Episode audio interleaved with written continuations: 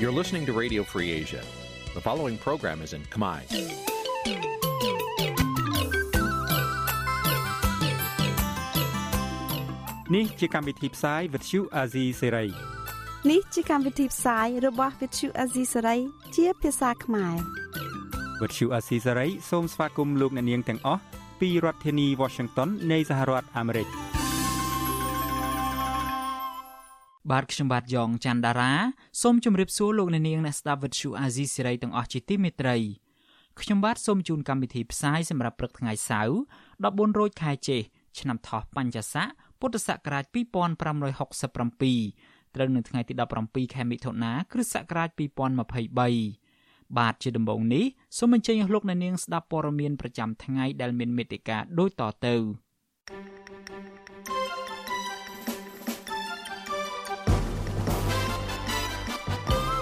ពលរដ្ឋមួយចំនួននៅក្រៅប្រទេសប្រកាសធ្វើពហិការការបោះឆ្នោតខែកក្កដាក្រសួងការបរទេសអាមេរិកដាក់ចំណាត់ថ្នាក់កម្ពុជាអាក្រក់បំផុតនៃអំពើជួញដូរមនុស្សកម្មកររោងចក្រ Starlight ជំរុញឲ្យក្រសួងការងារពន្លឿនការដោះស្រាយវិវាទការងារក្រុមកម្មករត្អូញត្អែពីជីវភាពខ្វះខាត ខុសពីការអួតអាងរបស់លោកហ៊ុនសែនរួមនឹងព័ត៌មានសំខាន់សំខាន់មួយចំនួនទៀត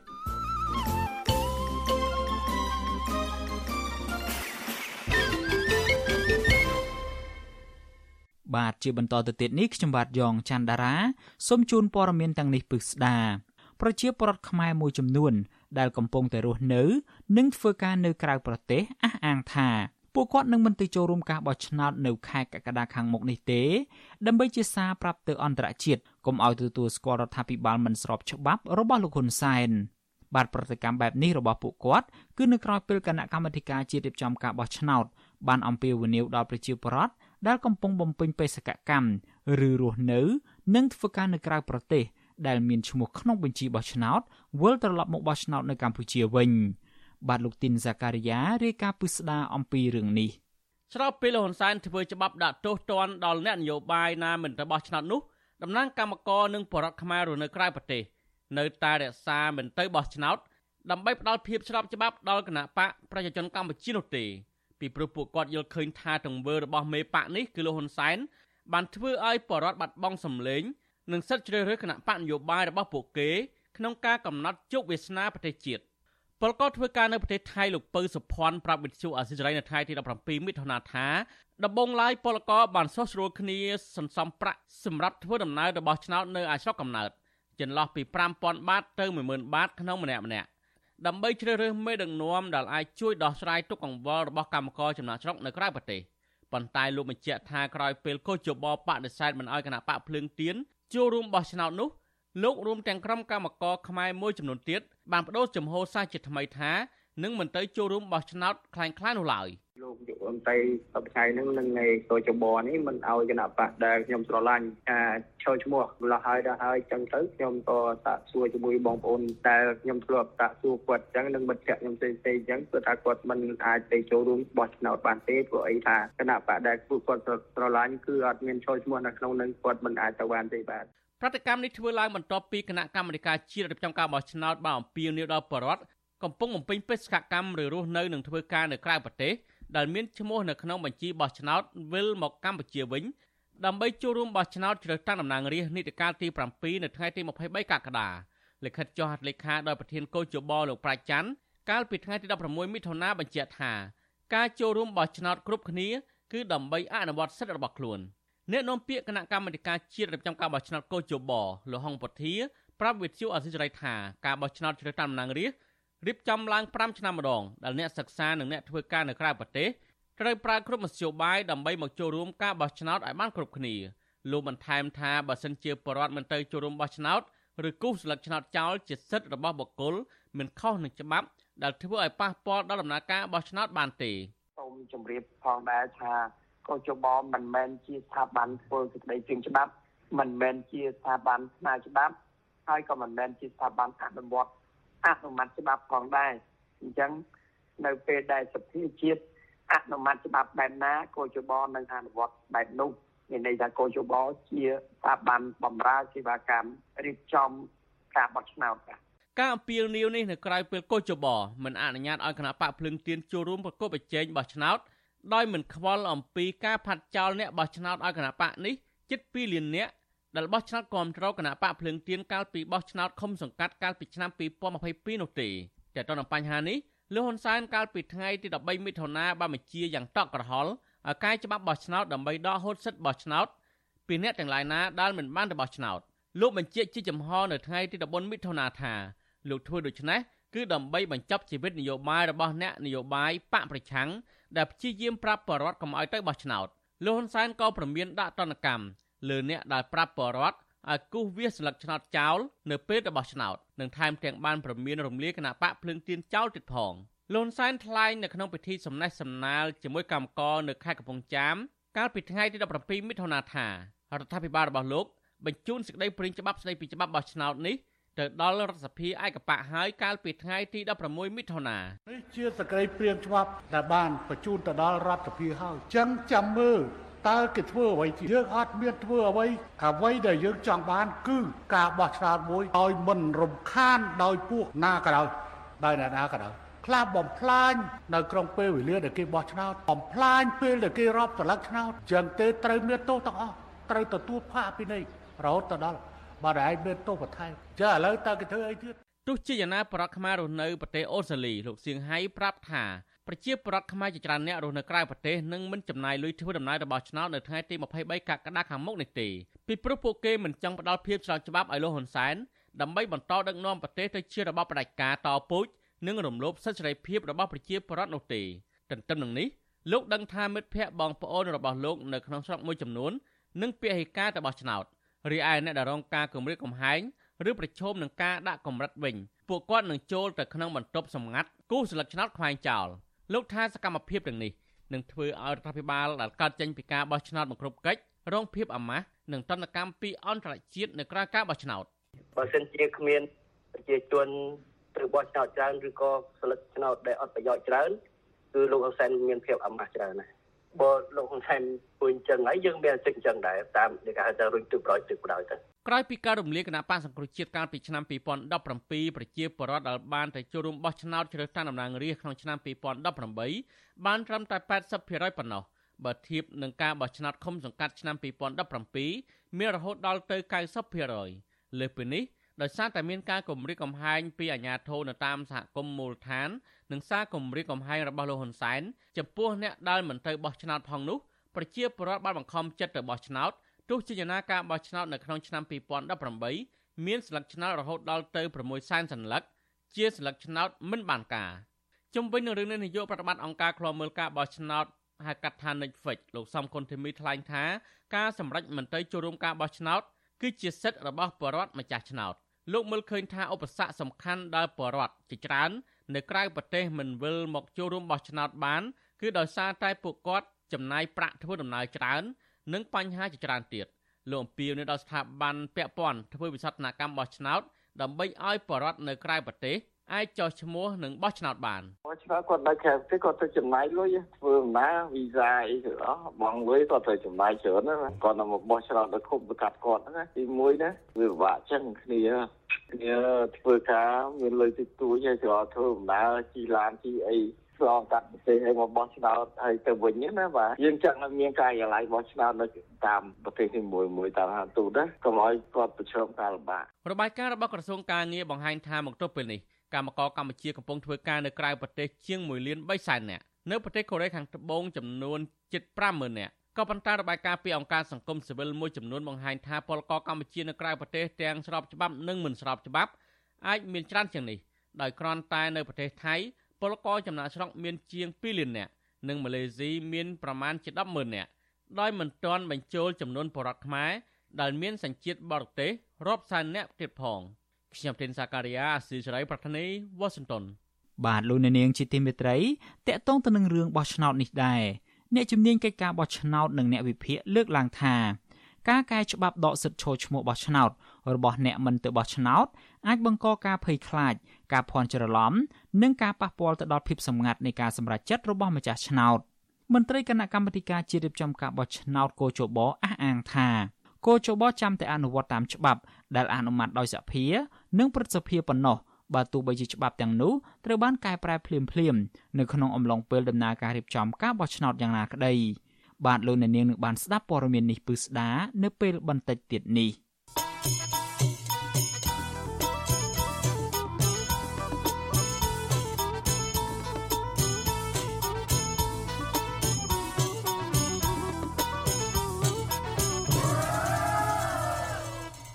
បាទលោកនាងជាទីមេត្រីពាក់ព័ន្ធទៅនឹងការកែប្រែច្បាប់បោះឆ្នោតនេះដែរសេចក្តីព្រៀងវិសោធនកម្មច្បាប់បោះឆ្នោតបានទៅដល់ដៃរដ្ឋសភាឯកបៈរបស់លោកហ៊ុនសែនហើយនេះបើតាមការអះអាងរបស់លោកហ៊ុនសែនមន្ត្រីអង្គការសង្គមស៊ីវិលរិះគន់ថាការកែច្បាប់ដែលរដ្ឋាភិបាលលោកហ៊ុនសែនធ្វើដោយតក់ក្រហល់យ៉ាងដូចនេះច្បាប់នេះនឹងមិនអាចក្លាយជាច្បាប់ល្អសម្រាប់បម្រើផលប្រយោជន៍ទូទៅបាននោះឡើយបាទលោកសេកបណ្ឌិតរាយការណ៍ពឹស្ដារអំពីរឿងនេះ។ មិនដល់មួយសប្តាហ៍ផងសេចក្តីព្រៀងវិសោធនកម្មច្បាប់បោះឆ្នោត ដែលលោកនាយករដ្ឋមន្ត្រីហ៊ុនសែនផ្ដួចផ្ដើម បានដល់ដៃសភាឯកបៈយ៉ាងលឿនដោយមិនបានឆ្លងកាត់ការផ្ដល់យោបល់ពីភាគីពាក់ព័ន្ធក្រៅតែពីក្រមការងាររដ្ឋាភិបាល និងកិច្ចប្រជុំទីស្តីការគណៈរដ្ឋមន្ត្រីលោកហ៊ុនសែនហាក់សារភាពថា ការកែប្រែច្បាប់បោះឆ្នោតនៅពេលនេះគ្រាន់តែជាការធ្វើទុកបុកម្នេញ លើមេដឹកនាំគណៈបកប្រឆាំងឬការបិទផ្លូវមិនឲ្យអ្នកនយោបាយបកប្រឆាំងទាំងនោះ អាចចូលរួមឈោះឈ្មោះបោះឆ្នោតយ៉ាងហោចណាស់រយៈពេល10ឆ្នាំទៀតព្រោះពួកគេមិនអាចចូលប្រទេសដើម្បីបោះឆ្នោត និងដើម្បីអាចឈោះឈ្មោះឲ្យគេបោះឆ្នោតបានឡើយនៅពេលនេះលោកហ៊ុនសែនថ្លែងឲ្យដឹងទៀតថាសេចក្តីព្រៀងវិសោធនកម្មច្បាប់បោះឆ្នោត កំណត់យ៉ាងជាក់លាក់អ្នកដែលឈោះឈ្មោះឲ្យគេបោះឆ្នោតបាន លុះត្រាតែបានចូលរួមក្នុងការបោះឆ្នោតសកលជាប់ជាប់គ្នាចំនួន2លើកជាមុនសិនលោកពន្យល់ថាអ្នកដែលមានសិទ្ធិចូលឈ្មោះជាបេក្ខជនតំណាងរាស្ត្រលុះត្រាតែជននោះ បានចូលរួមការបោះឆ្នោតសកលចំនួន2លើកសិន មានន័យថា អ្នកដែលចូលរួមការបោះឆ្នោតនៅថ្ងៃទី23ខែកក្កដានិងការបោះឆ្នោតឆ្នាំ2027ទើបមានសិទ្ធិ ឬឈោឈ្មោះឲ្យគេបោះឆ្នោតនៅឆ្នាំ2028បានលោកបន្តទៀតថា ចំពោះអ្នកដែលមានបំណងឈោឈ្មោះជាសមាជិកក្រុមប្រឹក្សាឃុំសង្កាត់ក៏ដូចគ្នាដែរលុះត្រាតែអ្នកនោះ បានចូលរួមការបោះឆ្នោតសកលពីរលើកជាមុនសិន មានន័យថាបេក្ខជនដែលឈរឈ្មោះសម្រាប់ការបោះឆ្នោតឆ្នាំ2032លុះត្រាបានចូលរួមការបោះឆ្នោតជ្រើសរើសក្រុមប្រឹក្សាឃុំសង្កាត់នៅឆ្នាំ2027 និងការបោះឆ្នោតជ្រើសតាំងសមាជិកសភាឆ្នាំ2028ខាងមុខជាមុនសិនទើបមានសិទ្ធិចូលឈ្មោះសម្រាប់ការបោះឆ្នោតឆ្នាំ2032លោកហ៊ុនសែនថ្លែងចំអកទៅមេដឹកនាំគណៈបកប្រឆាំងនៅក្រៅប្រទេសដែលថា រយៈពេលដ៏វែងដូចនេះទំនងពួកគេមិនអាចរងចាំបាននោះទេឥឡូវអ្នកឯងធ្វើម៉េចមកឥឡូវមកពហុពេលទៅទៀតព្រោះគេឲ្យមកចោះឈ្មោះបោះឆ្នោតតាំងពីខែ10 ខែ10មកចោះឈ្មោះឯងមកអត់មកបោះឥឡូវមានទឹកទៅបោះហើយណាមកប្រហែលថ្ងៃទៀតបោះអញ្ចឹងអានេះចូលដល់អាចប់មិនជាប់ប្របាហៅឯអាដាមជាប់លោកជំទាវជាប់គឺហៅអាចប់មិនជាប់ព្រោះវាជាប្រភេទហាភ្លើមីភ្លើអានឹងធ្ងន់ជាងហើយវារៀងលោកហ៊ុនសែនថ្លែងដូចនេះក្នុងពេលចុះជួបកម្មករកម្មការនីនៅខេត្តកំពង់ចាម នៅថ្ងៃទី16ខែមិថុនាលោកថា បើទោះបីជាសេចក្តីព្រៀងវិសោធនកម្មច្បាប់បោះឆ្នោតបានដល់ដៃរដ្ឋសភាហើយក្តីតែលោកនៅតែរងចាំមើលមេដឹកនាំគណៈបកប្រឆាំងដែលលោកសម្ដៅទៅលោកសំរងស៊ីនិងអ្នកស្រីមូសុខហួរជាដើមនោះ ថាតើពួកគេនឹងធ្វើអ្វីបន្តទៀតតើតើនឹងរឿងនេះ ប្រធានអង្គភិបអ្នកណែនាំពាក្យរដ្ឋាភិបាលលោកផៃស៊ីផាន បានឲ្យវិទ្យុអសីសេរីដឹងបន្ថែមថា ការកែប្រែច្បាប់បោះឆ្នោតនេះជាករណីពិសេស គឺមិនបានឆ្លងកាត់កិច្ចប្រជុំរបស់គណៈរដ្ឋមន្ត្រីទេ តែត្រូវឆ្លងកាត់កិច្ចប្រជុំក្រុមអចិន្ត្រៃយ៍របស់គណៈរដ្ឋមន្ត្រី ដែលមានមន្ត្រីធំធំចូលរួម ដូចជាឧបនាយករដ្ឋមន្ត្រី ទេសរដ្ឋមន្ត្រី និងមន្ត្រីពាក់ព័ន្ធជាដើមទោះយ៉ាងណាលោកផៃសិផានថាលោកមិនបានដឹងថ្ងៃនៃកិច្ចប្រជុំក្រុមអចិន្ត្រៃយ៍នេះទេ ហើយលោកក៏មិនដឹងថាសេចក្តីព្រៀងវិសោធនកម្មច្បាប់បោះឆ្នោត មានប៉ុន្មានមេត្រានោះដែរ ជុំវិញរឿងនេះវិទ្យុអសីសេរីនៅពុំទាន់អាចសុំការបញ្ជាក់ពីអគ្គលេខាធិការនិងជាអ្នកនាំពាក្យរដ្ឋសភាលោកលេងពេញឡុងបានទេ នៅថ្ងៃទី16ខែមិថុនាអ្នកសម្របសម្រួលផ្នែកអង្កេតរបស់អង្គការឃ្លាំមើលការបោះឆ្នោត Confrel លោកកនសវាង សង្កេតឃើញថា ការកែប្រែច្បាប់នេះរដ្ឋាភិបាលហាក់ធ្វើលឿនពេកហើយករណីដែលកែច្បាប់ធ្វើដោយតក់ក្រហល់បែបនេះมันអាចប្រមូលធាតចូល ឬការជជែកជាមួយភាគីពាក់ព័ន្ធបានពេញលេញនោះឡើយលោកយល់ថាការកែប្រែច្បាប់មួយទាមទារឲ្យមានការពិនិត្យមើលគ្រប់ជ្រុងជ្រោយពីភាគីពាក់ព័ន្ធបើមិនដូច្នោះទេ ច្បាប់នោះมันបានបំរើដល់ផលប្រយោជន៍ទូទៅដល់ប្រជាពលរដ្ឋឬសង្គមជាតិឡើយ។ អ្វីជាការព្រួយបារម្ភរបស់ខ្ញុំកាលណាវាអត់បានធ្វើការពិគ្រោះឬអត់បានធ្វើការតិចឲ្យបានពេញលេញវាអាចការអនុវត្តទៅវាមិនបានឆ្លើយតបគ្រប់ដែលសម្លេងណាបាទគ្រប់ភាគីពាក់ព័ន្ធជាពិសេសគណៈបកនយោបាយផ្សេងទៀតណាដែលលោកនៅក្រៅរដ្ឋាភិបាលហ្នឹងតាមពិតត្រូវធ្វើការតិចតែมันអាចតែគណៈបកមួយដែលមានអំណាចដែលអាចនឹងធ្វើវិសោធនកម្មច្បាប់បានហើយมันមានការពិគ្រោះជាមួយនឹងគណៈបកផ្សេងនៅក្រៅរដ្ឋាភិបាលទេបាទព្រោះជាគោល លការនៅក្រៅរដ្ឋាភិបាលក៏ជាសម្លេងមួយដែរអ្នកវិភាគនយោបាយលោកកឹមសុខយល់ថាបើលោកហ៊ុនសែនចង់បានបែបណារដ្ឋសភាឯកបៈនឹងធ្វើតាមការចង់បានរបស់លោកហ៊ុនសែនដោយមិនហ៊ានកែប្រែសេចក្តីព្រាយច្បាប់នោះទេលោកកឹមសុខក៏សម្គាល់ឃើញទៀតថាករណីរបបលោកហ៊ុនសែនរារាំងមិនអោយគណៈបកភ្លើងទៀនចូលរួមការបោះឆ្នោតខាងមុខនិងការកែច្បាប់បង្ខំឲ្យអ្នកនយោបាយបកប្រឆាំងទៅបោះឆ្នោត គឺជាយុទ្ធសាស្ត្រដែលលោកហ៊ុនសែនរៀបចំ ដើម្បីរំលាយគណៈបកប្រឆាំងបែបថ្មី ដែលលោកហ៊ុនសែនធ្វើមិនឲ្យអាក្រក់មើលពេកដោយការពីរំលាយគណៈបកសង្គ្រោះជាតិកាលពីចុងឆ្នាំ2017នោះទេអ្នកវិភាគនយោបាយរូបនេះយល់ថារដ្ឋាភិបាលថ្មីកើតក្រោយថ្ងៃទី23ខែកក្កដាទំនងជាក្រមប្រទេសលោកសេរីមិនទទួលស្គាល់និងដាក់ទណ្ឌកម្មលើរដ្ឋាភិបាលថ្មីនោះថែមទៀតផង។ ទៅរំលាយឈ្មោះគណៈបកគេចោលទៀតប្លន់យកកៅអីសភាប្លន់យកកៅអីក្រុមប្រឹក្សាឃុំសង្កាត់របស់គេ វាអាស្រូវដដែលដដែលឲ្យធ្វើរឿងដដែលដដែលពេកណាដូច្នេះគេបង្កើតយុទ្ធវិធីថ្មី ក្នុងការកំណត់សិទ្ធិកាន់តែតឹងរឹងដល់អ្នកនយោបាយសកម្មជននយោបាយគណៈបកប្រឆាំងហ្នឹងមិនឲ្យចូលរួមប្រកួតប្រជែងតែម្ដងអាហ្នឹងហើយដែលខ្ញុំថាជាគុណលឹះថ្មី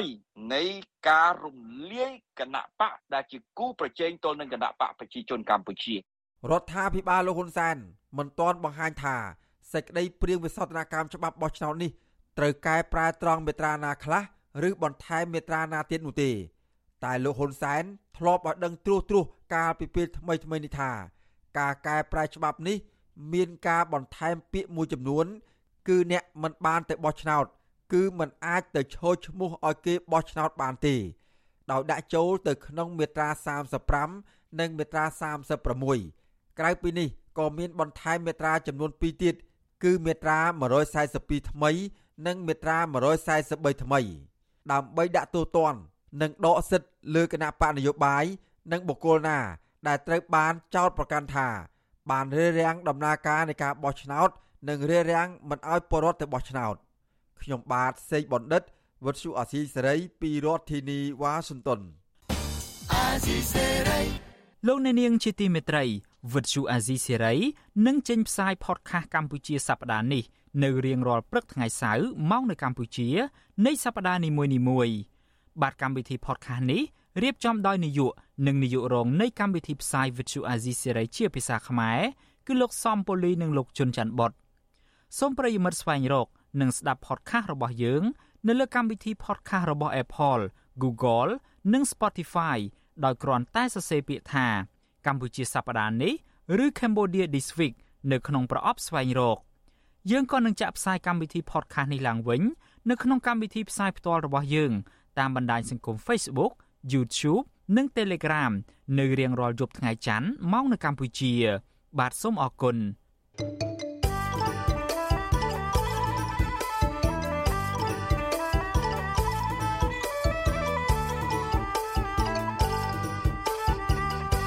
បាទលោកអ្នកនាងជាទីមេត្រីពាក់ព័ន្ធទៅនឹងការរើសអើងផ្នែកនយោបាយឯនេះវិញ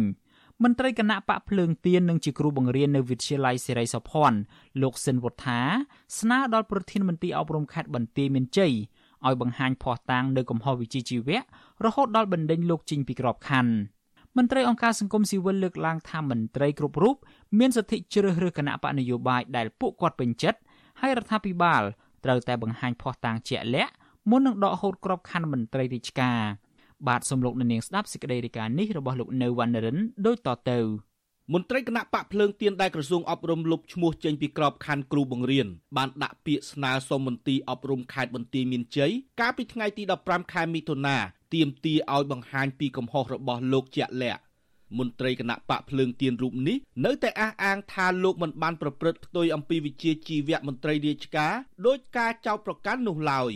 ប្រធានគណៈកម្មាធិការប្រតិបត្តិនៃគណៈបកភ្លើងទៀនខេត្តបន្ទាយមានជ័យលោកសិនវត្ថាលើកឡើងថាមូលហេតុនៃការដាក់ពាក្យទៅកាន់មន្ទីរអប់រំគឺដើម្បីទាមទារនៅក្របខ័ណ្ឌគ្រូបង្រៀននេះដោយសារតែលោកបានប្រឡងជាប់ទាំងលំបាកនិងទួនាទីដែលព្រះមហាក្សត្រប្រទានឲ្យតែត្រូវបានប្រធានមន្ទីរអប់រំខេត្តបណ្ដេញចេញពីទួនាទីដោយអយុត្តិធម៌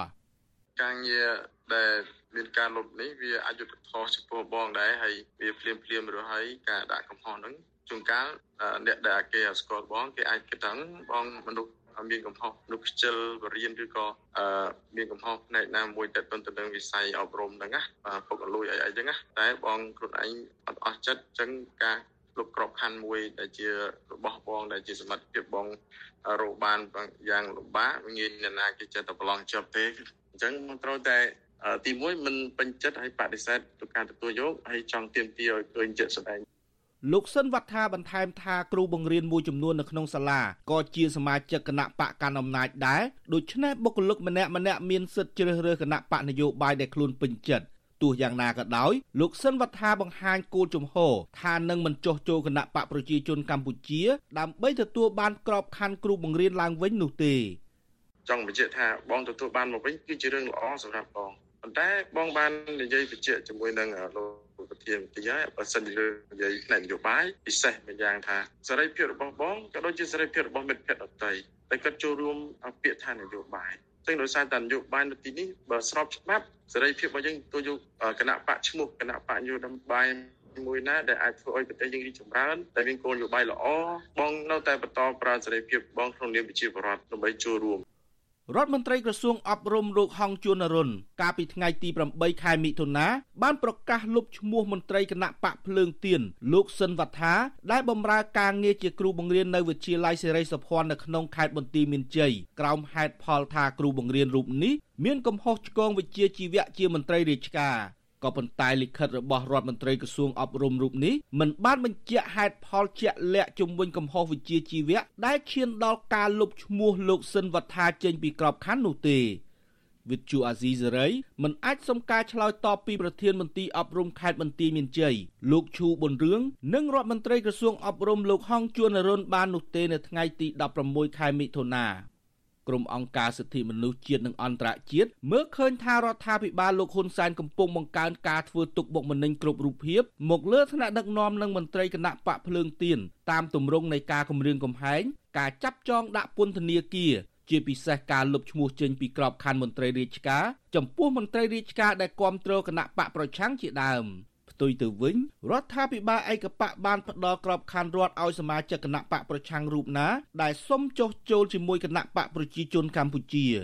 ប្រធានសមាគមគ្រូបង្រៀនឯករាជ្យលោកស្រីអុកឆាយវីលើកឡើងថាប្រសិនបើមានការលុបឈ្មោះមន្ត្រីណាម្នាក់ដោយសារតែពួកគាត់ជាសមាជិកគណៈបកប្រឆាំងឬការលុបក្របខ័ណ្ឌដោយមិនបង្ហាញភស្តុតាងជាក់លាក់ពីកំហុសណាមួយដូច្នេះរដ្ឋាភិបាលគួរលុបចោលរាល់បញ្ញត្តិទាំងឡាយណាដែលអនុញ្ញាតឲ្យពលរដ្ឋជ្រើសរើសគណៈបកនយោបាយណាដែលខ្លួនស្រឡាញ់ពេញចិត្ត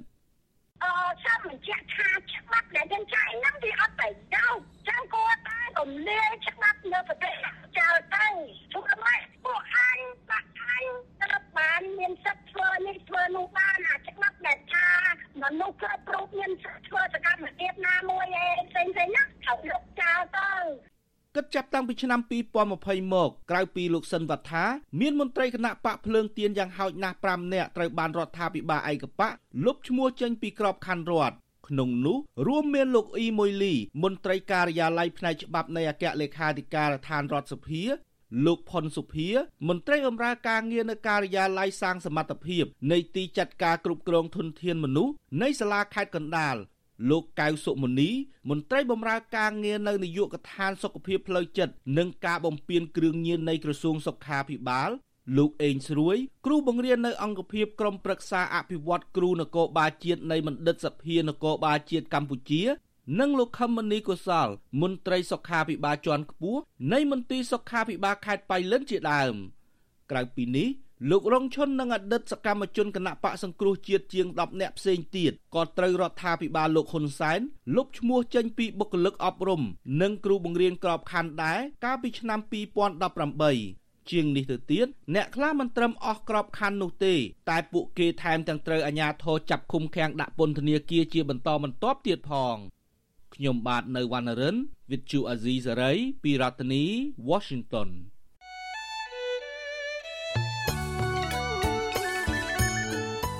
លោកអ្នកនាងជាទីមេត្រីវិទ្យុអាស៊ីសេរីចាប់ផ្ដើមដំណើរការផ្សាយផ្ទាល់កម្មវិធីព័ត៌មានទាំងពេលព្រឹកនិងពេលយប់ជាផ្លូវការនៅលើបណ្ដាញសង្គមថ្មីមួយទៀតគឺបណ្ដាញសង្គម Telegram ចាប់ពីខែមេសាឆ្នាំ2023នេះតទៅលោកអ្នកនាងអាចស្វែងរក Telegram ផ្លូវការរបស់វិទ្យុអាស៊ីសេរីដោយស្វែងរកពាក្យថាវិទ្យុអាស៊ីសេរីឬក៏ RFA ខ្មែរនៅលើទូរស័ព្ទដៃរបស់លោកអ្នកនាង។ បាទ Telegram ផ្លូវការរបស់ Vithu Azizi Serai មានសញ្ញា Tick ជាសញ្ញាសម្គាល់បាទក្រុមការងាររបស់ Vithu Azizi Serai នឹងព្យាយាមរិះរកមធ្យោបាយថ្មីថ្មីបន្ថែមទៀតដើម្បីផ្ដល់ភាពងាយស្រួលដល់លោកអ្នកនាងកញ្ញានៅក្នុងការស្ដាប់ និងទស្សនាការផ្សាយព័ត៌មានរបស់យើង បាទសូមអរគុណ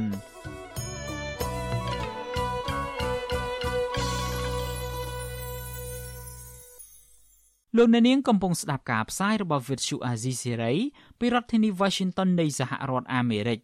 ពាក់ព័ន្ធទៅនឹងរឿងអំពើជួញដូរមនុស្សឯនេះវិញក្រសួងការបរទេសសហរដ្ឋអាមេរិកបានចេញផ្សាយរបាយការណ៍មួយស្ដីពីការជួញដូរមនុស្សប្រចាំឆ្នាំ2023កាលពីថ្ងៃទី16ខែមិថុនាម្សិលមិញដោយបង្ហាញថាស្ថានភាពនៃអំពើជួញដូរមនុស្សនៅកម្ពុជាគ្មានភាពល្អប្រសើរឡើយ។ក្រសួងការបរទេសអាមេរិក បន្តរក្សាចំណាត់ថ្នាក់កម្ពុជា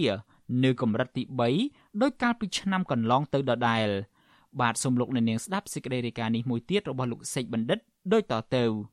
របាយការណ៍ស្ដីពីការជួញដូរមនុស្សប្រចាំឆ្នាំ2023របស់ក្រសួងការបរទេសអាមេរិកលើកឡើងថារដ្ឋាភិបាលឯកបៈរបស់លោកហ៊ុនសែន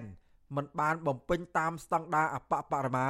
ក្នុងការលុបបំបាត់ការជួញដូរមនុស្សនិងពុំបានខិតខំប្រឹងប្រែងឲ្យបានខ្លាំងក្លា ក្នុងការប្រយុទ្ធប្រឆាំងនឹងអំពើជួញដូរមនុស្សនោះទេសូម្បីតែអំឡុងពេលមានការរីករាលដាលនៃជំងឺ Covid-19 ក៏ដោយអាមេរិករកឃើញថាអំពើពុករលួយនៃមន្ត្រីជាន់ខ្ពស់នៅកម្ពុជា តែងតែបន្តរីករាលដាលដែលជាហេតុរារាំងដល់ការអនុវត្តច្បាប់លើក្រមអ ுக ្រិតជនដែលបានប្រព្រឹត្តអំពើជួញដូរមនុស្សនៅកម្ពុជា របាយការណ៍បញ្ជាក់ថាអាញាធរកម្ពុជាពុំបានបើកការស៊ើបអង្កេត ឬនាំយកមន្ត្រីដែលជាប់ពាក់ព័ន្ធនឹងបទឧក្រិដ្ឋផ្អែកតាមសេចក្តីរាយការណ៍គួរឲ្យជឿទុកចិត្តជាពិសេសនៅពេលដែលមានពាក់ព័ន្ធនឹងក្រុមអាជីវករអសិលធរដែលបានបង្ខំឲ្យបរិសស្ត្រី និងកុមាររាប់ពាន់នាក់នៅទូទាំងប្រទេសកម្ពុជាធ្លាក់ចូលក្នុងការជួញដូរមនុស្សក្នុងវិស័យសេវាកម្មកំសាន្តលអិតនិងប្រតិបត្តិការបែបឆបោកលើប្រព័ន្ធអ៊ីនធឺណិតជាដើមលើសពីនេះអាមេរិករកឃើញថារដ្ឋាភិបាលកម្ពុជា បានបរាជ័យជាបន្តបន្ទាប់ក្នុងការត្រួតពិនិត្យឬផ្ដាល់យុត្តិធម៌ក្នុងឧក្រិដ្ឋកម្មជួញដូរសម្រាប់ពលករបរទេសដែលត្រូវបានជួយសង្គ្រោះពីប្រតិបត្តិការឆបោកតាមអ៊ីនធឺណិតរយៈពេល2ឆ្នាំចុងក្រោយនេះអាមេរិកបានទម្លាក់ចំណាត់ថ្នាក់កម្ពុជា មកនៅត្រឹមកម្រិតទី3ដែលមានន័យថាស្ថានភាពនៃអំពើជួញដូរមនុស្សនៅកម្ពុជា មានលក្ខណៈអាក្រក់បំផុត និងពុំធ្លាប់មានទេចាប់តាំងពីឆ្នាំ2015មក ទន្ទឹមនឹងនេះស្របពេលកម្ពុជាស្ថិតនៅក្នុងស្ថានភាពគួរឲ្យព្រួយបារម្ភនិងគ្មានការចាត់វិធានការឲ្យមានប្រសិទ្ធភាពនោះក៏ឡងទៅ ស្ថាប័នអន្តរជាតិមួយចំនួន បានលាតត្រដាងថាឧក្រិដ្ឋកម្មជួញដូរមនុស្សនិងអំពើឆបោកតាមប្រព័ន្ធអ៊ីនធឺណិតទ្រង់ទ្រាយធំប្រតិបត្តិការដោយក្រុមហ៊ុនចិនមួយចំនួននៅកម្ពុជាដំណើរការទៅបានដោយសេរីត្បិតមានមន្ត្រីអង្គការក្រាក់ក្រាក់ស្និទ្ធស្នាលជាមួយលោកហ៊ុនសែននៅកាងការពារពីក្រោយខ្នង កាលពីឆ្នាំ2022សមត្ថកិច្ចកម្ពុជា បង្ក្រាបបានអំពើជួញដូរមនុស្សនិងអាជីវកម្មផ្លូវភេទជិត200ករណីឃាត់ខ្លួនជនសង្ស័យជាង200នាក់ក្នុងនោះមានជនបរទេសចំនួន32នាក់បញ្ជូនទៅតុលាការនិងរំដោះជនរងគ្រោះបានជាង500នាក់ដោយឡែកចាប់តាំងពីខែសីហាឆ្នាំ2022មកទល់នឹងខែមីនាឆ្នាំ2023អ្នកពាក់ព័ន្ធនឹងអំពើជួញដូរមនុស្ស មានជនបរទេសជិត900នាក់មកពីបណ្ដាប្រទេសចំនួន12ផ្សេងផ្សេងគ្នាហើយក្នុងនោះ មានមនុស្សជិត200នាក់ដែលសមត្ថកិច្ចរកឃើញថាមានជាប់ពាក់ព័ន្ធនឹងអំពើរត់ពន្ធនិងជួញដូរមនុស្សខណៈមនុស្ស80នាក់ទៀតត្រូវបានបញ្ជូនទៅតុលាការពាក់ព័ន្ធនឹងការប្រព្រឹត្តបទល្មើសជួញដូរមនុស្សវិទ្យុអាស៊ីសេរីនៅពុំទាន់អាចតាក់ទងអនុប្រធានគណៈអចិន្ត្រៃយ៍នៃគណៈកម្មាធិការជាតិប្រយុទ្ធប្រឆាំងអំពើជួញដូរមនុស្សអ្នកស្រីជូប៊ុនអេង ដើម្បីសាកសួរជុំវិញរឿងនេះបានទេ នៅថ្ងៃទី16ខែមិថុនាប៉ុន្តែកន្លងមកមន្ត្រីជាន់ខ្ពស់កម្ពុជា រួមទាំងលោកសខេងផងអះអាងថាកម្ពុជាតែងតែបដិញ្ញាចិត្តក្នុងការប្រយុទ្ធប្រឆាំងនិងបង្កើនកិច្ចសហប្រតិបត្តិការជាមួយនឹងបណ្ដាប្រទេសក្នុងតំបន់និងអន្តរជាតិដើម្បីទប់ស្កាត់លុបបំបាត់អំពើជួញដូរមនុស្សនៅកម្ពុជា អ្នកខ្លាំមើលសង្គមលើកឡើងថា របាយការណ៍របស់ក្រសួងការបរទេសអាមេរិក ឆ្លុះបញ្ចាំងការពិតត្បិតបលល្មើសនៃអំពើជួញដូរមនុស្សនៅកម្ពុជានៅតែបន្តកើតមានច្រើននាយកទទួលបន្ទុកកិច្ចការទូតនៃអង្គការលីកាដូ លោកអំសំអាតសោកស្ដាយដែលអាមេរិកបន្តទម្លាក់ចំណាត់ថ្នាក់កម្ពុជា មកកម្រិតទី3ដែលមានន័យថាស្ថានភាពនៃអំពើជួញដូរមនុស្សនៅកម្ពុជាពុំទាន់មានស្ថានភាពល្អប្រសើរឡើយលោកថារដ្ឋាភិបាលកម្ពុជា គួរតែត្រួតពិនិត្យបោសសម្អាតលើមន្ត្រីពុករលួយ និងបង្ហាញឆន្ទៈពិតប្រាកដក្នុងការស៊ើបអង្កេតមន្ត្រីអ្នកមានអំណាចប្រសិនបើរកឃើញថា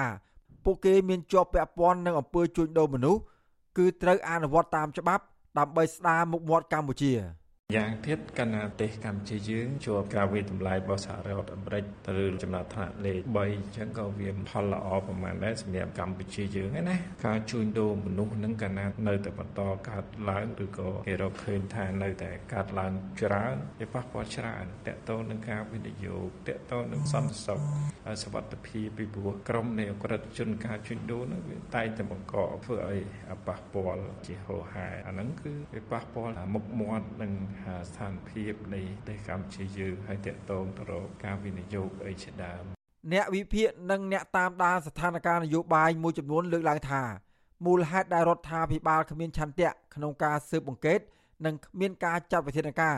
លើក្រុមអ្នកមានលុយមានអំណាចមួយចំនួន ដែលមានងារជាអង្គញានិងឯកឧត្តមដែលអាចមានជាប់ពាក់ព័ន្ធនឹងអំពើជួញដូរមនុស្សនៅកម្ពុជាត្បិតក្រុមមនុស្សទាំងនោះ គឺពួកគេតែងតែបំរើ និងផ្ដល់ផលប្រយោជន៍ដល់រដ្ឋាភិបាលលោកហ៊ុនសែននិងក្រុមគ្រួសារត្រកូលហ៊ុនខ្ញុំបាទសេកបណ្ឌិតវុទ្ធុអាស៊ីសេរីពីរដ្ឋធានីវ៉ាស៊ីនតោន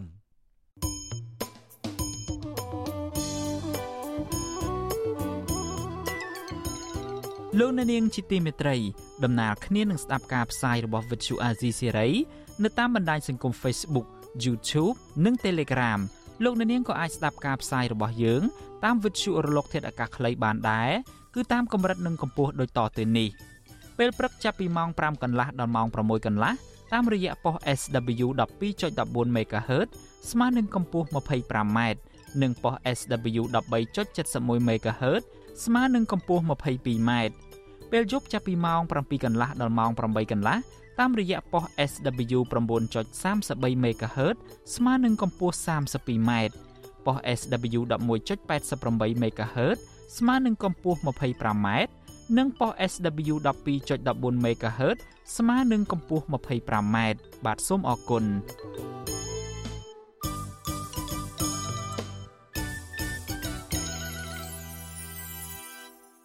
បាទលោកនាងជាទីមេត្រីពាក់ព័ន្ធទៅនឹងវិស័យការងារឯនេះវិញ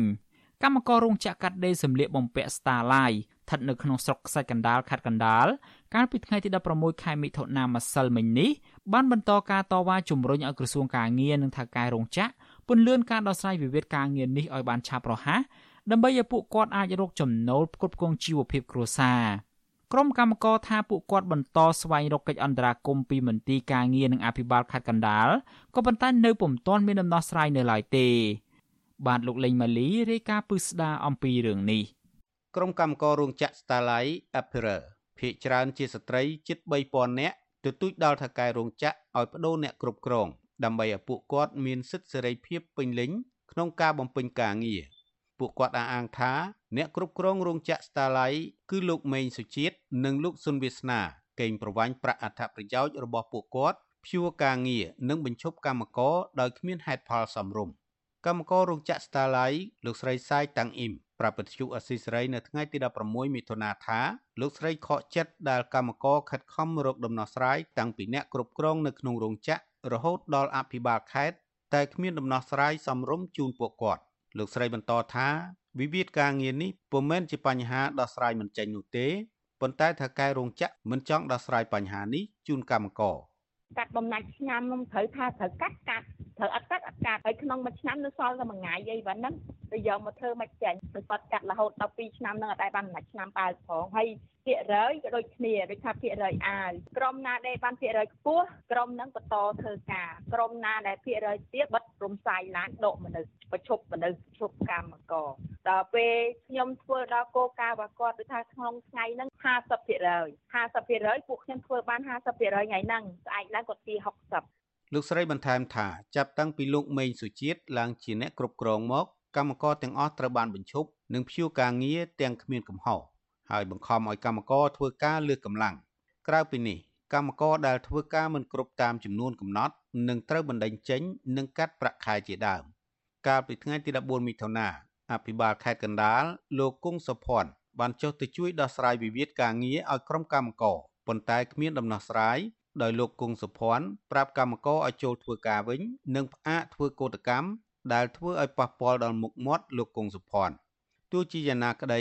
ក្រុមកម្មករលើកឡើងថាលោកគង់សុភ័ណ្ឌគ្មានវិធានការច្បាស់លាស់ដើម្បីដោះស្រាយបញ្ហាកម្មករនិងមានចេតនាលំអៀងទៅខាងអ្នកគ្រប់គ្រងរោងចក្រស្រដៀងគ្នានេះដែរអនុប្រធានសហជីពអំណាចយុវជនកម្ពុជា ប្រចាំក្រុមហ៊ុន Starlight លោករស់សម្បូរថ្លែងថា ការធ្វើកោតកម្មរបស់ក្រុមកម្មករគឺជាការស្ម័គ្រចិត្តមិនមែនជាការញុះញង់ដោយអាជ្ញាធរមួយចំនួនបានចោទប្រកាន់នោះឡើយ។ មជ្ឈដ្ឋានមួយចំនួនអ្នកដែលចូលរួមមកដោះស្រាយចូលខ្លួនមកសម្របសម្រួលគឺនិន្នាការរបស់ពួកគាត់គឺគិតថាពួកខ្ញុំនឹងជាអ្នកញុះញង់កម្មករគឺសូមបដិសេធវាជាសិទ្ធិរបស់កម្មករបើគាត់មកពឹងពាក់សហជីពដែលពឹងពាក់បានបើយើងមិនជួយគាត់តើយើងជាតំណាងសហជីពធ្វើតំណាងសហជីពហើយសហជីពហ្នឹងមានតម្លៃអាចឈរជើងជាមួយមានទំនុកចិត្តរបស់គាត់អត់បើទៅយើងមិនជួយគាត់ណាឃើញពីទុកលំបាករបស់គាត់ហើយបើយើងអត់ជួយគាត់វាអត់ប្រយោជន៍មានសហជីពអត់ប្រយោជន៍លោករស់សម្បូរបញ្ជាក់ថានៅថ្ងៃទី17មិថុនា តំណាងគណៈកម្មការ10នាក់នឹងចូលចរចាជាមួយក្រសួងកាងារដើម្បីរកដំណោះស្រាយប៉ុន្តែបើក្រសួងកាងារនៅតែគ្មានដំណោះស្រាយសមរម្យពួកគាត់នឹងបន្តការតវ៉ារហូតទាល់តែមានដំណោះស្រាយវិទ្យុអាស៊ីសេរីមិនទាន់អាចតាក់ទងប្រធានរដ្ឋបាលរោងចក្រកាត់ដេរសម្លៀកបំពាក់ Starlight លោកសុនវាសនា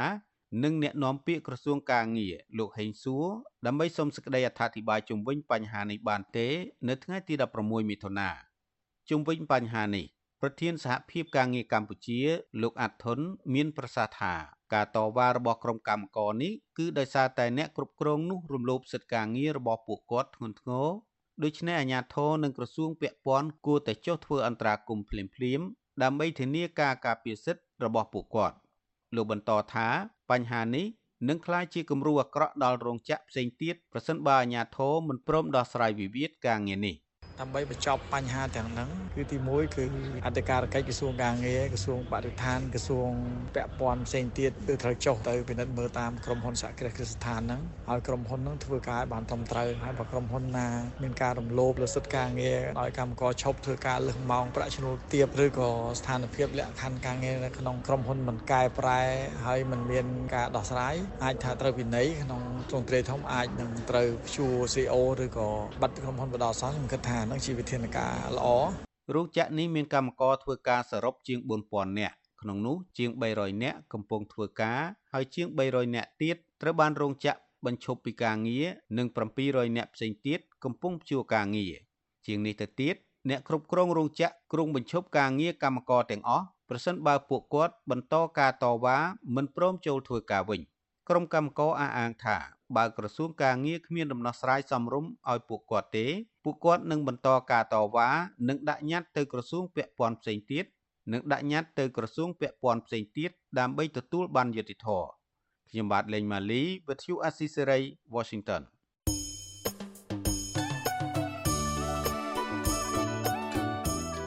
លោកអ្នកនាងជាទីមេត្រី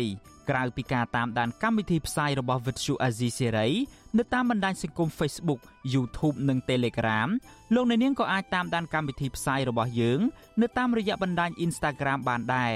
តាមរយៈតំណ link ដែលមានអាសយដ្ឋាន www.instagram.com/rfa ខ្មែរអាស៊ីសេរីបន្តខិតខំផ្សព្វផ្សាយព័ត៌មានពិតទៅកាន់បងប្អូនតាមរយៈបណ្ដាញសង្គមផ្សេងផ្សេងនិងសម្បូរបែបដើម្បីឲ្យលោកអ្នកនាងងាយស្រួលតាមដានកម្មវិធីផ្សាយរបស់អាស៊ីសេរីគ្រប់ពេលវេលា និងគ្រប់ទីកន្លែង តាមរយៈទូរស័ព្ទរបស់លោកអ្នកនាង បាទសូមអរគុណ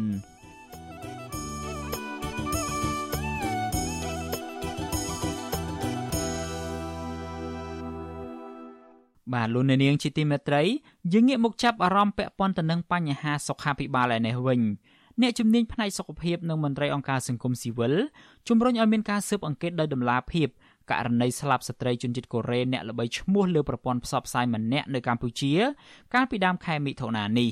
បើទោះបីជាស្ថាប័នអัยការបានចោទថាករណីនេះគឺជាការធ្វើទរណកម្មនិងសម្លាប់ក៏ដោយ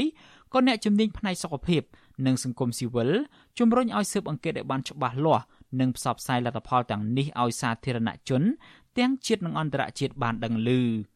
បាទសំលោកនៅនាងស្ដាប់សេចក្តីរាយការណ៍មួយទៀតរបស់លោកទីនហ្សាការីយ៉ាដូចតទៅអ្នកជំនាញសុខភាពនិងមន្ត្រីអង្គការសង្គមស៊ីវិលជំរុញដល់មន្ត្រីពាក់ព័ន្ធឲ្យបើកការស៊ើបអង្កេតឲ្យបានច្បាស់លាស់ករណីស្លាប់ជនជាតិកូរ៉េម្នាក់ដែលល្បីឈ្មោះនៅលើប្រព័ន្ធផ្សព្វផ្សាយដើម្បីឈានទៅដល់វិធានការទប់ស្កាត់កុំឲ្យមានជនរងគ្រោះរបៀបនេះបន្តទៅទៀតកាលពីថ្ងៃទី6មិថុនាអ្នកភូមិនៅខេត្តកណ្ដាលប្រទះឃើញសាកសពជនជាតិកូរ៉េដ៏ល្បីឈ្មោះម្នាក់នៅលើបណ្ដាញទំនាក់ទំនងសង្គមដែលមានអ្នកគាំទ្រប្រមាណជា5សែននាក់ដែលស្លាប់នៅក្នុងត្រពាំងទឹកមួយ របាយការណ៍របស់សមាជិកបង្ហាញថាជនជាតិកូរ៉េវ័យ33ឆ្នាំរូបនេះស្លាប់នៅបន្ទាប់ពីទទួលសេវាកែសម្ផស្សនៅគ្លីនិកមួយដែលបើកនៅរាជធានីភ្នំពេញកាលពីថ្ងៃទី4មិថុនាទោះបីជាយ៉ាងនេះក្តីលោកវិជ្ជបណ្ឌិតគួចមេងលី មានប្រសាសន៍ថានៅប្រទេសដែលគេគិតពីសុខភាពសាធារណៈគឺពេទ្យត្រូវទទួលការបណ្ដុះបណ្ដាលច្បាស់លាស់ទៅតាមជំនាញលោកបន្តថាលោកសង្កេតឃើញថានៅកម្ពុជា គ្រូពេទ្យមួយចំនួនមិនទទួលបានការបណ្ដុះបណ្ដាលច្បាស់លាស់ ហើយពេទ្យខ្លះធ្វើការងារខុសជំនាញទៀតផងប៉ុន្តែគ្មានស្ថាប័នរដ្ឋណាទប់ស្កាត់នោះទេអញ្ចឹងទៅវាប៉ះតកិច្ចដល់ជីវិតគេជួនកាលអត់មែនមែនជាពេទ្យទេដែលធ្វើសម្រាប់នឹងគឺពេទ្យខាងគេហៅចាក់ស្នាមទៅសណ្ដំចាក់ស្នាមសណ្ដំហ្នឹងគេហៅថា anesthesiologist anesthesiologist ហ្នឹងគឺបើយើងរៀនទៅអត់ដល់ទេព្រោះហ្នឹងគឺរៀនច្រើនណាស់យូរណាស់ហើយយើងនេះជួនកាលគាត់នៅនៅក៏ចាក់ឲ្យគេដែរ ដូច្នេះហើយតែសេរីតាមខុសគាត់ហើយពាក់ព័ន្ធនឹងរឿងនេះដែរប្រធានមជ្ឈមណ្ឌលប្រជាពលរដ្ឋដើម្បីអភិវឌ្ឍនិងសន្តិភាពលោកយងកំឯងបង្ហាញការសោកស្ដាយចំពោះករណីស្លាប់ជនជាតិកូរ៉េរូបនេះលោកបន្តថាករណីរបៀបនេះក៏តែងតែកើតឡើងជាបន្តបន្ទាប់មកដែរប៉ុន្តែហាក់មិនទាន់មានវិធានការច្បាស់លាស់ក្នុងការទប់ស្កាត់ដែលអាចបណ្ដាលឲ្យសាធារណជនទាំងបរទេសនិងខ្មែរភ័យខ្លាចមិនហ៊ានប្រើសេវាសុខភាពនៅកម្ពុជា ធ្វើឲ្យប្រជាពលរដ្ឋខ្មែរធ្វើឲ្យអ្នកដែលមកធ្វើកិច្ចការងារនៅស្រុកខ្មែរជនបរទេសក្តីគឺគេលែងហ៊ានព្យាបាលនៅក្នុង clinic ស្រុកខ្មែរបាទអញ្ចឹងទៅគឺម្នាក់ម្នាក់រត់ទៅតាបរទេសម្នាក់ម្នាក់រត់ទៅតាក្រៅប្រទេសប្រទេសជិតខាងអញ្ចឹងយកលុយទៅឲ្យតែប្រទេសជិតខាងណាអញ្ចឹងកាលណាតែប្រទេសជិតខាងនោះគេគេចេះតែប្រមូលលុយបានច្រើនគេបរឹងវិស័យសុខាភិបាលរបស់គេនោះកាន់តែខ្លាំងទៅរីឯអ្នកនាំពាក្យសមាគមការពារសិទ្ធិមនុស្សអាត់ហុកលោកសឹងសែនករណា ជំរុញឲ្យអាជ្ញាធរបើកការស៊ើបអង្កេតឲ្យបានច្បាស់លាស់ហើយផ្សព្វផ្សាយឲ្យសាធារណជនទាំងជាតិនិងអន្តរជាតិបានដឹងពីមូលហេតុនៃការស្លាប់នេះដើម្បីបង្ហាញពីការកែសម្រួលនិងស្ដារទំនុកចិត្តលើវិស័យសុខាភិបាលនៅកម្ពុជាឡើងវិញស្ថាប័នពាក់ព័ន្ធខាងក្រសួងសុខាភិបាលហ្នឹងគួរតែមានការ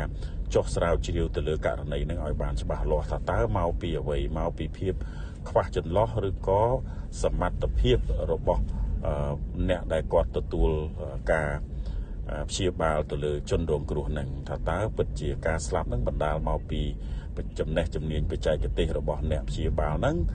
ឬក៏មានការធ្វេសប្រហែសណាមួយដោយដោយខាងជនរងគ្រោះអីជាដើមពាក់ព័ន្ធនឹងករណីស្លាប់ជនជាតិកូរ៉េនេះសមត្ថកិច្ចបានចាប់ខ្លួនជនជាតិចិន2នាក់ប្តីប្រពន្ធជាម្ចាស់ clinic បញ្ជូនទៅសាលាដំបងរាជធានីភ្នំពេញ វិទ្យុអសិរ័យមិនអាចតតងព្រះអញ្ញារងនឹងជាអ្នកនាំពាក្យឆ្លាតដំបងរាជធានីភ្នំពេញលោកប្លង់សុផលដើម្បីសួរអំពីបញ្ហានេះបន្ថែមបានទេកាលពីថ្ងៃទី16មិថុនាក៏ប៉ុន្តែលោកប្លង់សុផលបានថ្លែងប្រាប់ទីភ្នាក់ងារសារព័ត៌មាន AFP ថា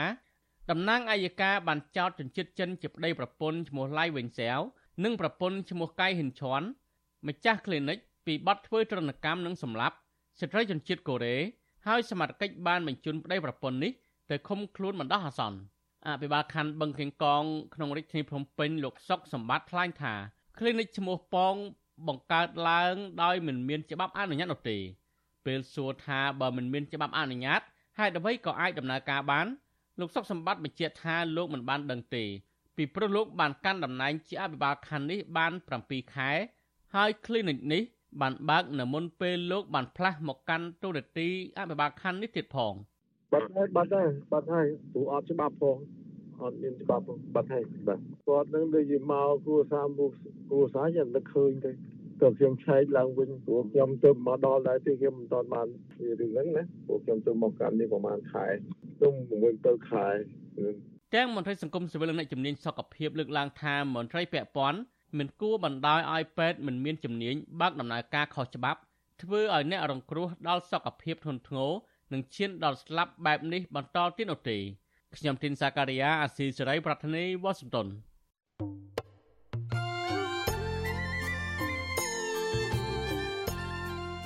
លោកអ្នកនាងជាទីមេត្រី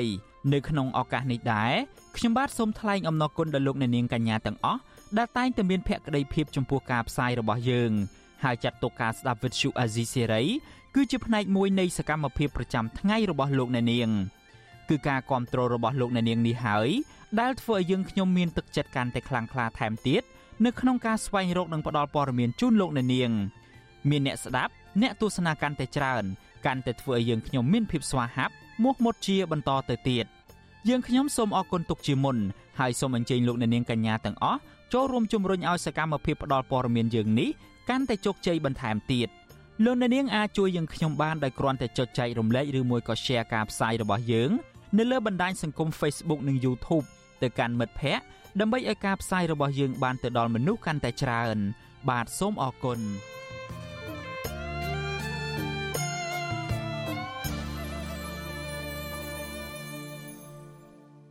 លោកអ្នកនាងជាទីមេត្រី អ្នកជំនាញកិច្ចការបោះឆ្នោត និងអ្នកវិភាគលើកឡើងថាការកែច្បាប់ដកសិទ្ធិចូលឈ្មោះបោះឆ្នោត របស់អ្នកមិនទៅបោះឆ្នោតអាចបង្កការភ័យខ្លាច ការភ័ន្តច្រឡំនិងការប៉ះពាល់ទៅដល់ភាពសម្ងាត់នៃការសម្រេចចិត្តរបស់ម្ចាស់ឆ្នោតមន្ត្រីគណៈកម្មាធិការជាតិរៀបចំការបោះឆ្នោតកោជបអះអាងថាកោជបចាំតែអនុវត្តតាមច្បាប់ដែលអនុម័តដោយសភា និងព្រឹទ្ធសភាប៉ុណ្ណោះបើទោះបីជាច្បាប់ទាំងនោះត្រូវបានកែប្រែភ្លាមៗនៅក្នុងអំឡុងពេលដំណើរការរៀបចំការបោះឆ្នោតយ៉ាងណាក្តីបាទសំលោកនៅនាងស្ដាប់សេចក្តីរាយការណ៍នេះពឹស្ដា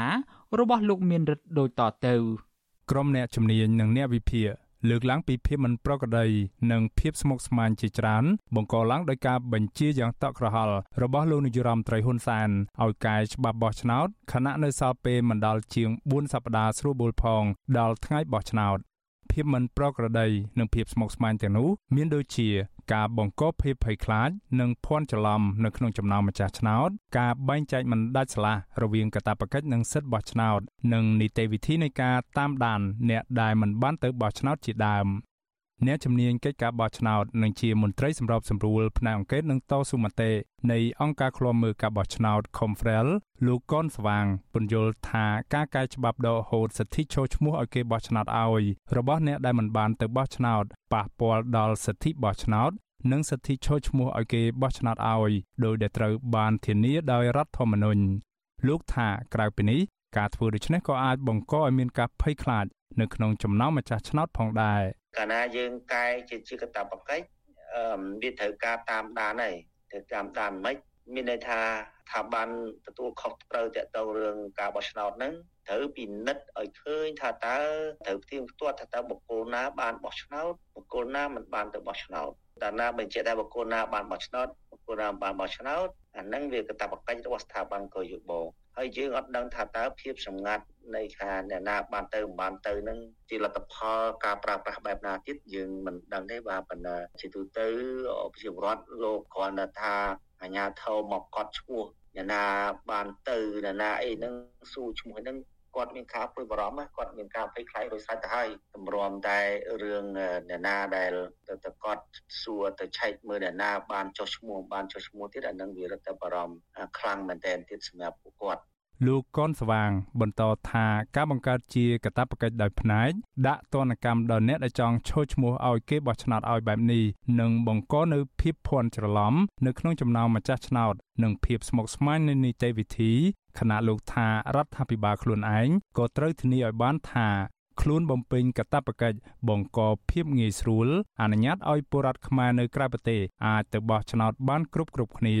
បើសិនជារដ្ឋដាក់កាតព្វកិច្ចឲ្យអ្នកនៅក្រៅប្រទេសអីទាំងអស់ហ្នឹងត្រូវតែបោះឆ្នោតមានន័យថារដ្ឋត្រូវតែបំពេញកាតព្វកិច្ច កតបកិច្ចខ្លួនឯងមួយគឺធ្វើម៉េចសម្រួលឲ្យប្រជាពលរដ្ឋនៅក្រៅប្រទេសហ្នឹងលោកអាចមានកតបកិច្ចចុះឈ្មោះណាអាចចុះឈ្មោះនៅក្រៅប្រទេសបាននិងអាចបោះឆ្នោតនៅក្រៅប្រទេសបានហ្នឹងអាហ្នឹងជាលក្ខណៈកតបកិច្ចវាត្រូវតែទាំងសងខាងពីព្រោះហេតុអីมันអាចដាក់កតបកិច្ចឲ្យទៅប្រជាពលរដ្ឋម្នាក់ឯងបានទេព្រោះកណាដាក់កតបកិច្ចឲ្យប្រជាពលរដ្ឋថាប្រជាពលរដ្ឋត្រូវតែបោះឆ្នោតអញ្ចឹងមានន័យថាប្រជាពលរដ្ឋនៅពេលដែលបោះឬក៏ចុះឈ្មោះគាត់ធ្វើការនៅក្រៅប្រទេសវាអាច គាត់ត្រូវការជិះឡានត្រូវការធ្វើដំណើរចំណាយថវិកាច្រើនសម្រាប់មកបោះឆ្នោតហើយយើងដឹងហើយថាប្រជាពលរដ្ឋយើងកាលណាលោកធ្វើដំណើរទៅធ្វើការនៅស្រុកគេមិនមែនជាអ្នកអីធូធាអីប្រហែលដែរទេបាទគឺគាត់ទៅស្វែងរកថវិកាដើម្បីជីវភាពរស់នៅរបស់ខ្លួន បន្ថែមទៅលើការយល់ឃើញនេះលោកអៀសផលសាស្ត្រាចារ្យនៅសាកលវិទ្យាល័យ Arizona State បានចោទសួរពីការរំលោភទៅលើគោលការណ៍នៃការរក្សាភាពសម្ងាត់នៃការបោះឆ្នោតរបស់ម្ចាស់ឆ្នោតដោយសារតែការកែច្បាប់បោះឆ្នោតយ៉ាងដូចនេះលោកថាការហាម5ពលរដ្ឋដែលមិនទៅបោះឆ្នោតគឺជាការរំលោភសិទ្ធិបោះឆ្នោតរបស់ម្ចាស់ឆ្នោត ឆ្លើយតបទៅនឹងការលើកឡើងនេះអ្នកនាំពាក្យកោជបលោកហងពុធាថាកោជបជាស្ថាប័នអនុវត្តច្បាប់ដូច្នេះហើយកោជបនឹងអនុវត្តតាមប៉ះសិនបើមានការកែច្បាប់ណាមួយពីស្ថាប័ននីតិបញ្ញត្តិលោកអះអាងថាកោជប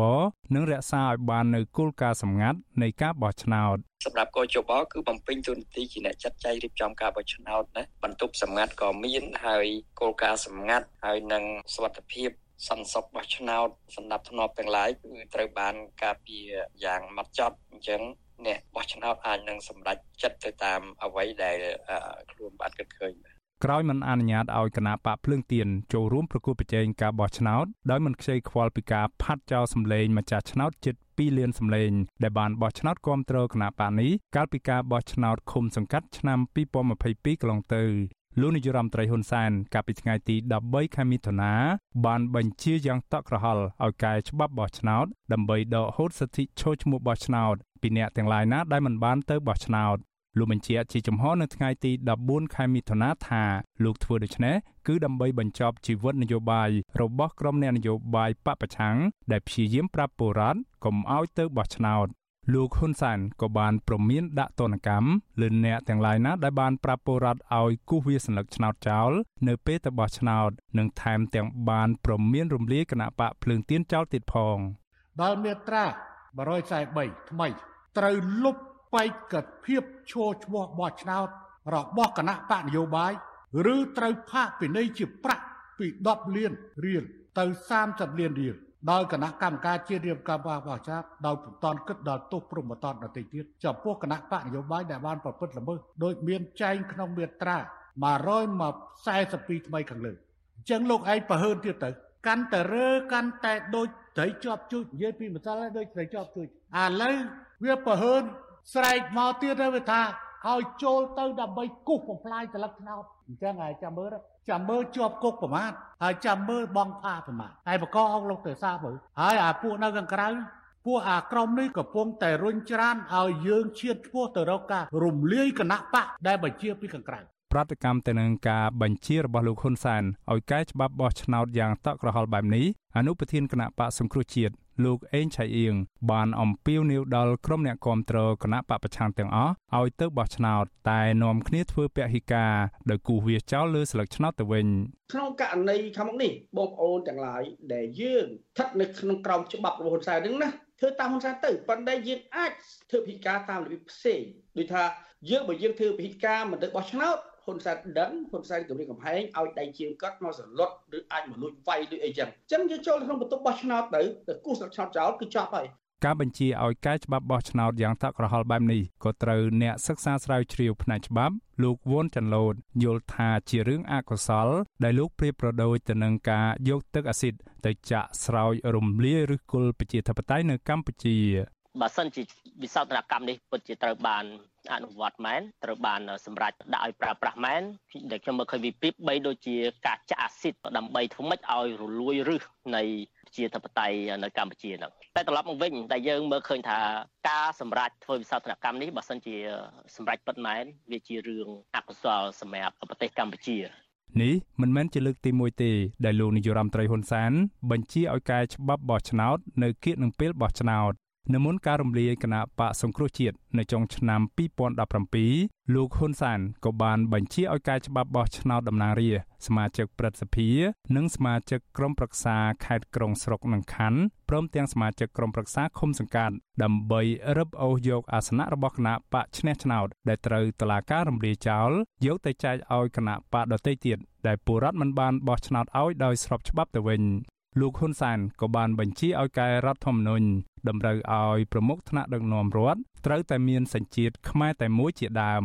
មន្ត្រីសិទ្ធិមនុស្សនៃអង្គការឃ្លាំមើលសិទ្ធិមនុស្សអន្តរជាតិ Human Rights Watch ថាមានតែជនផ្ដាច់ការទេ ដែលមានទម្លាប់កែច្បាប់នៅមុននឹងក្នុងពេលដំណើរការបោះឆ្នោតដែលលោកប្រៀបប្រដូចទៅនឹងការប៉ុនប៉ងផ្លាស់ប្តូរវិធាន ឬច្បាប់នៅកណ្ដាលទីពេលកីឡាកំពុងប្រកួត ខណៈលោកថាការបោះឆ្នោតជាតិនៅកម្ពុជានាខែកក្កដាខាងមុខនេះគឺជាការបោះឆ្នោតដែលមិនស្របច្បាប់រួចទៅហើយនោះខ្ញុំបាទមេរិត Visual Asia ស្រីពីរដ្ឋធានី Washington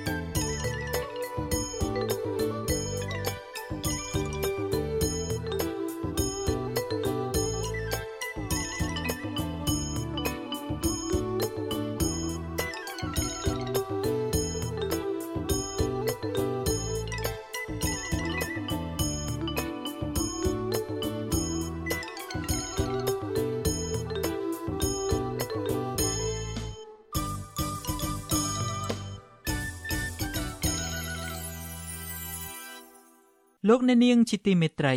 នៅសល់តែ36ថ្ងៃទៀតទេ ការបោះឆ្នោតជាតិនឹងចូលមកដល់ហើយបាននៅពេលចូលទៅគូសញ្ញលឹកឆ្នោតគ្មានអ្នកណាម្នាក់ដឹងថាលោកអ្នកនាងបោះឆ្នោតឲ្យគណៈបកណានោះឡើយម្យ៉ាងវិញទៀតការបោះឆ្នោតគឺជាសិទ្ធិក្នុងការសម្រេចចិត្តរបស់លោកអ្នកនាងតែម្នាក់ឯងគត់គ្មានជនណាឬអាជ្ញាធរណាអាចបង្ខិតបង្ខំលោកអ្នកនាងបាននោះទេ បាទសូមអរគុណ